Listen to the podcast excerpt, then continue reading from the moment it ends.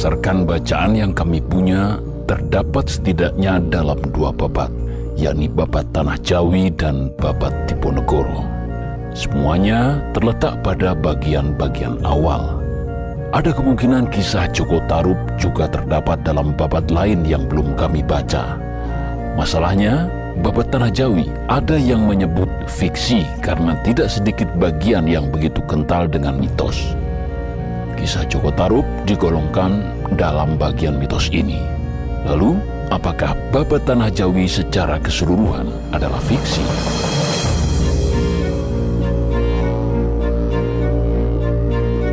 Kelahiran Babat Tanah Jawi menurut C.C. Ras dalam bukunya Masyarakat dan Kesusastraan Jawa tidak bisa dilepaskan dari perintah Pangeran Puger kepada Panembahan Adilangu kedua. Penulisan babat ini dilanjutkan oleh Carik Projo alias Tumenggung Tirtowikuno pada tahun 1718. Namun diperkirakan baru terbit pada tahun 1788 baik Panembahan Adilangu maupun Cari Projo bukan hanya menulis babat Tanah Jawi, namun juga sekian banyak babat dan serat lainnya. Bahwa tersebut masih menurut buku yang sama, penggarapannya dilakukan berulang-ulang karena banyak peristiwa yang harus dikisahkan maupun dijelaskan.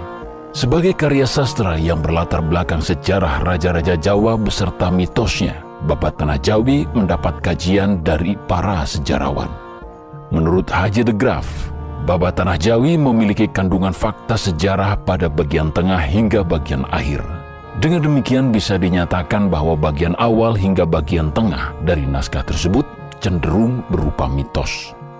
Sejarawan Danang Respati Puku, Ketua Departemen Sejarah Universitas Diponegoro Semarang, dalam wawancaranya dengan Historia.id pada artikel berjudul Benarkah Babat Tanah Jawi Fiksi mengatakan bahwa babat Tanah Jawi dapat digunakan sebagai sumber tradisional sejarah yang bisa menjadi faktual asalkan dipahami konteks penulisan historiografinya. Selain fakta, naskah tersebut memiliki kebenaran simbolis, kebenaran di mana raja atau orang suci berbeda dan memiliki kelebihan bila dibandingkan dengan rakyat biasa. Sementara itu, Adi Deswijaya, filolog Universitas Veteran Bangun Nusantara Sukoharjo, berpendapat dalam artikel yang sama bahwa fiksi pada babat lebih kepada rekaan dalam jalan cerita yang merupakan buah pemikiran si pengarang. Namun di balik fiksinya, proses penciptaan karya tersebut tetaplah berlatar belakang sejarah. Kami sendiri berpendapat, di balik mitos yang terdapat dalam babat Tanah Jawi, tersimpan banyak sekali ajaran dan pesan baik, meski harus menggunakan kajian hermeneutika, mengingat para pujangga dan leluhur kita di masa lalu punya kebiasaan menggunakan sanepan atau makna tersembunyi dalam menyampaikan sesuatu.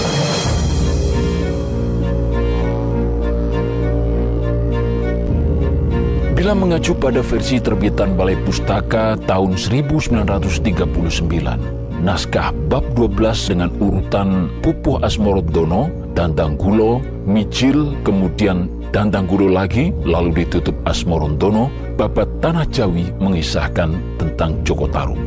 Karena bukan hanya babat Tanah Jawi, namun juga babat seperti babat Diponegoro serta babat-babat lain juga mengisahkannya maka muncul anggapan bahwa tokoh Jakataru benar-benar nyata. Terlebih ketika masyarakat lokal meyakini sejumlah petilasan, baik berupa sendang maupun makam yang terletak di sejumlah daerah di antaranya Madura, Ngawi, Gunung Kidul, dan Grobogan adalah milik Jakataru.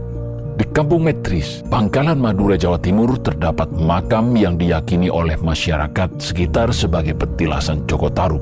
Makam ini terletak di tengah pemakaman umum yang di sekelilingnya ditumbuhi rumpun bambu. Sekitar 300 meter ke arah barat, terdapat masjid yang konon merupakan peninggalan Joko Tarub. Sementara di sebelah selatan makam tersebut terdapat sendang. Itulah sendang yang konon dijadikan tempat mandi para bidadari, sekaligus tempat Joko Tarub mencuri pakaian Dewi Nawang Bulan. Selain itu, sendang yang merupakan petilasan Joko Tarub juga diyakini oleh sebagian masyarakat berada di desa Widodaren, Ngawi, Jawa Timur keyakinan masyarakat bahwa sendang tersebut merupakan tempat pertemuan Joko Tarub dengan Dewi Nawang Mulan bersumber dari nama desa Witutaren. di mana kata Widotaren yang berasal dari kata Widodari atau bidadari mengacu pada Dewi Nawang Mulan serta bidadari lainnya yang mandi di sendang. Petilasan Joko Tarub juga ada di Gunung Bagus, Kiring, Palian, Gunung Kidul, Yogyakarta. Menurut masyarakat sekitar, bukan hanya Joko Tarub yang dimakamkan di Gunung Bagus, namun juga Dewi Nawangsih putrinya, serta Bondan Gejawan, sang putra menantu yang masih keturunan Prabu Brawijaya Mojopahit. Petilasan Joko Tarub yang berupa makam ada juga yang berada di desa Tarub, Grobogan, Jawa Tengah. Bila mengacu pada namanya, Desa Tarub lebih diyakini sebagai daerah di mana Joko Tarub menjadi pengageng. Namun seluruh pendapat ini masih perlu dikaji lebih jauh, mengingat belum terdapat data-data sejarah terpercaya yang bisa membuktikan bahwa tempat-tempat itulah TKP Joko Tarub sebagaimana dikisahkan dalam babat Tanah Jawa.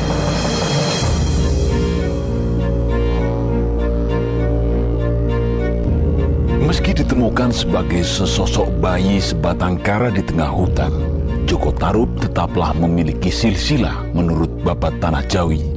Dari jalur ayah, Joko Tarub adalah cucu dari Ki Gede Kudus, sementara dari jalur ibu, Joko Tarub adalah cucu dari Ki Ageng Kembang Lampir. Dia dilahirkan di tengah hutan Kapanasan karena ibunya melarikan diri dari rumah Kandungannya tidak diharapkan sang kakek, sementara ayahnya yang merupakan anak bungsu Ki Gede Kudus juga telah pergi entah ke mana. Seusai melahirkan, ibunya itu meninggal dunia. Bayi Joko Tarub kemudian ditemukan dan dibawa oleh seorang penyumpit bernama Selondoko. Sayangnya di dekat desa Tarub, Selondoko tergiur untuk memburu kijang yang begitu tangkas. Bayi Joko Tarub ditinggalkan sendirian di bawah pohon Gianti yang ternyata bekas pertapaan Ki Ageng Tarub. Joko Tarub kemudian diasuh dan dibesarkan oleh Nyi Tarub hingga menjadi penyumpit ulung. Perjumpaannya dengan golongan bidadari bernama Dewi Nawang Bulan berujung pada pernikahan yang melahirkan putri bernama Roro Nawangsih. Kelak Nawangsih dinikahkan dengan Bondan Kejawan atau Lembu Peteng, salah satu putra Brawijaya yang dititipkan pada Kipuyut Mahasar bersama tiga buah pusaka Majapahit. Keduanya melahirkan seorang putra bernama Ketas Pandowo dan seorang putri. Dari Getas Pandowo inilah lahir sosok spektakuler yang kita kenal sebagai Ki Ageng Selo, leluhur dinasti Mataram sekaligus guru Joko Tingkir atau Sultan Hadiwijoyo Pajang.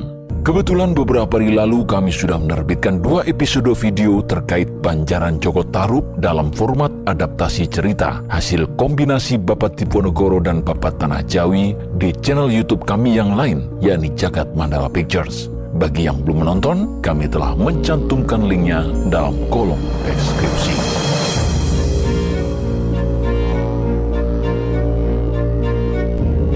Jika kita menyimak sejumlah legenda di dunia, ada legenda bernama legenda Tanah Bata. Dalam legenda itu dikisahkan tentang Keng Yu dari sebuah desa kecil. Ketika dalam perjalanan pulang dari ladang, Keng Yu melihat selai jubah dan memasukkannya ke dalam tas. Di tengah perjalanan pulang ke rumah, Keng Yu ditegur oleh seorang gadis. Oleh gadis yang bernama Orihime, jubah yang dibawa Keng Yu itu dimintanya. Tanpa jubah itu, Orihime yang semula mandi di telaga tak bisa kembali ke kayangan. Orihime pun bersedia menjadi istri Keng Yu ketika tak berhasil mendapatkan jubah itu kembali ke tangannya. Pada suatu hari Irihime menemukan jubahnya yang terjepit di kayu penahan atap rumah.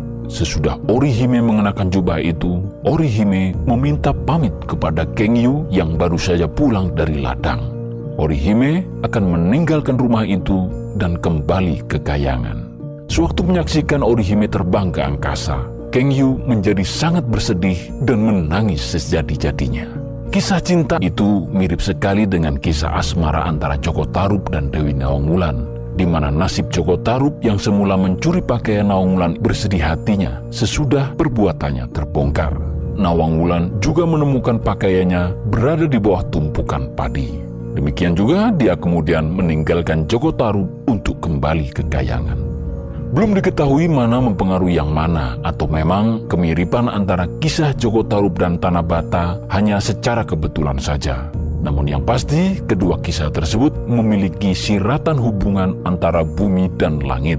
Manusia sebagai simbol bumi dan bidadari sebagai simbol langit. Manusia di masa lampau harus mengetahui apa yang terjadi di langit jika ingin melakukan sesuatu di bumi seperti misal bercocok tanam maupun berlayar.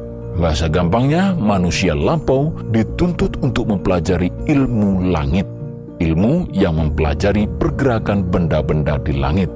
Dalam konteks pertanian, mereka harus memahami cara mengukur posisi benda langit yang dewasa ini disebut kosmografi sekaligus pemahaman klimatologi atau iklim. Dalam pemahaman Jawa, semua yang demikian disebut pranoto mongso. Formalisasinya dilakukan pada masa Sunan Paku Buwono ke-7 menggunakan basis peredaran matahari dan rasi bintang. Konon, meski lazim digunakan di masa Paku Buwono VII, pengetahuan tentang ini sudah dilakukan sejak kerajaan Medang atau Mataram Hindu hingga Majapahit. Bahkan belakangan bukan hanya untuk pertanian saja, namun juga bidang kemiliteran. Diduga dalam peristiwa Mongol menyerang Jawa, salah satu faktor kekalahan Mongol masih terkait hal ini. Mereka bukan bangsa maritim, sehingga kurang berhitung banyak meski telah mengerahkan 30 ribu pasukan berikut senjata Mesiu. Dalam kekalahannya, kapal-kapal mereka lari tidak terarah saat dikejar armada kapal Madura yang memihak Dyah Wijaya. Akibatnya, kapal-kapal mereka banyak yang terpencar dan tersesat. Kisah Joko Tarub yang berlatar belakang tradisi agraris Jawa itu bisa saja masih terhubung dengan pemahaman Pranoto Mongso atau ilmu langit tadi. Dari uraian cerita, kita bisa mendapat gambaran cuaca yang menjadi latar belakang kisah itu. Para bidadari yang mandi di sendang untuk menyejukkan tubuhnya menyiratkan perihal musim kering dengan terik matahari yang sedemikian rubah hingga hawa panasnya serasa sampai di negeri langit atau kayangan. Sampai-sampai saking panasnya, bidadari pun merasa perlu untuk mandi ke bumi. Menurut ilmu Pranoto Mongso, musim kering yang menyebabkan tanah retak-retak tersebut dikenal dengan Mongso Karu atau Mongso Paceklik yang terjadi antara tanggal 2 sampai 24 Agustus. Disebut masa paceklik karena banyak orang akan mengalami kekurangan pangan. Sementara untuk menghadapi masa paceklik dan mencukupi kebutuhan pangannya, para petani dahulu sangat mengandalkan padi yang tersimpan di dalam lumbung. Di masa paceklik inilah, masyarakat Jawa Lampau senantiasa mengajarkan agar manusia dekat dengan Tuhan. Melalui pertolongan Tuhan, manusia yang tengah dalam kekurangan pangan akan dapat mencukupi kebutuhan hidupnya Pemahaman ini terefleksi pada suatu peristiwa Joko Tarub tengah dilanda paceklik hingga simpanan padinya di lumbung mulai berkurang. Nawang Mulan yang merupakan simbol kuasa Tuhan memberikan pertolongan. Hanya dengan menanasi menggunakan sebutir padi, Joko Tarub bisa mencukupi kebutuhan pangannya setiap hari. Namun sewaktu kurang mengimani kuasa Tuhan, yakni dengan membuka tutup dandang, Joko Tarub menanggung akibatnya Simpanan padi yang bermanfaat untuk menjaga ketahanan pangan itu akhirnya cepat terkuras habis.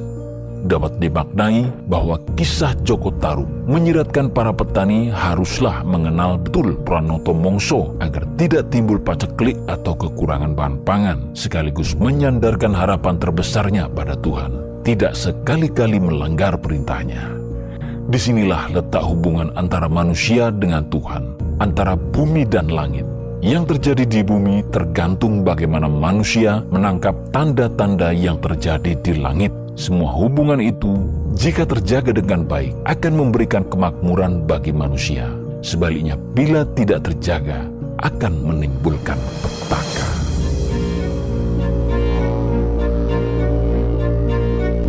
Oleh masyarakat Jawa, Kisah Joko Tarub dihubungkan dengan prosesi upacara pasang tarub dan mitotareni yang merupakan bagian dari prosesi pernikahan. Upacara pasang tarub dikaitkan dengan kisah Joko Tarub yang akan melaksanakan pernikahannya dengan Dewi Nawangwulan. Mitotareni dikaitkan dengan kisah sang bidadari Nawangwulan menyambangi Nawangsih pada malam hari sebelum hari pernikahannya dengan Bondan Kejawan. Kita pahami bahwa tarup merupakan bangunan tambahan di depan rumah yang tengah punya hajat mantu. Bangunan tarup yang tidak permanen tersebut terbuat dari pleketp yang berhiaskan cuntayan helai-helai janur kuning. Perpaduan antara warna hijau pleketp serta warna kuning janur tersebut akan memberikan kesejukan dan kedamaian di area tarup. BKTP yang dipasang di area tarup merupakan perwujudan dari suatu tempat penyucian di kayangan yang dinamakan Balai Katapi. Balai artinya tempat, sedangkan Katapi artinya membersihkan kotoran. Dengan demikian, pemasangan BKTP dapat diartikan sebagai ajakan orang tua dan calon pengantin kepada semua tamu undangan untuk turut menyucikan hati. Adapun janur yang terdapat dari kata jan yang artinya janmo atau manungso dan nur atau cahaya menyiratkan doa dari semua pihak agar upacara pernikahan tersebut mendapatkan pencerahan, keselamatan, dan kedamaian dari Tuhan agar pernikahan tersebut menjadi awal yang baik bagi sepasang pengantin di dalam menjalani kehidupan rumah tangga tanpa rintangan berkat perlindungannya. Sementara mitotareni yang menjadi salah satu prosesi pernikahan berasal dari kata widodari atau bidadari. Pada saat prosesi mitotareni, masyarakat Jawa dahulu meyakini bahwa para bidadari akan turun ke bumi untuk menyambangi pengantin perempuan yang tengah dipingit sebelum hari pernikahan di dalam kamar khusus.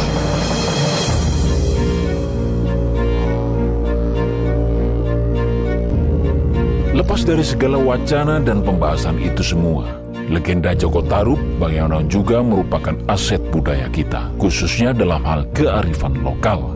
Secara turun-temurun kita telah mewarisi tradisi yang syarat ajaran baik. Hal itu tersirat dari simbol-simbol seperti tarub, perlengkapan, dan prosesi pernikahan lainnya. Sayangnya dewasa ini, karena tidak memahami falsafah atau makna di baliknya, simbol-simbol tersebut mulai terkikis zaman tidak lagi hadir dalam prosesi pernikahan, khususnya di kota-kota besar. Nilai gotong royong warga dalam mempersiapkan perhelatan pernikahan juga sudah mulai lenyap. Karena itulah bagi sebagian orang, pernikahan ada kalanya justru menjadi momok tersendiri karena harus menanggung seluruh biaya yang begitu besar. Tidak ada keterlibatan warga lain. Inilah pentingnya gotong royong. Tantangan terbesar di era saat ini memang dalam hal melestarikan tradisi dan budaya. Dibutuhkan sejumlah inovasi agar generasi milenial tidak semakin jauh kehilangan akarnya.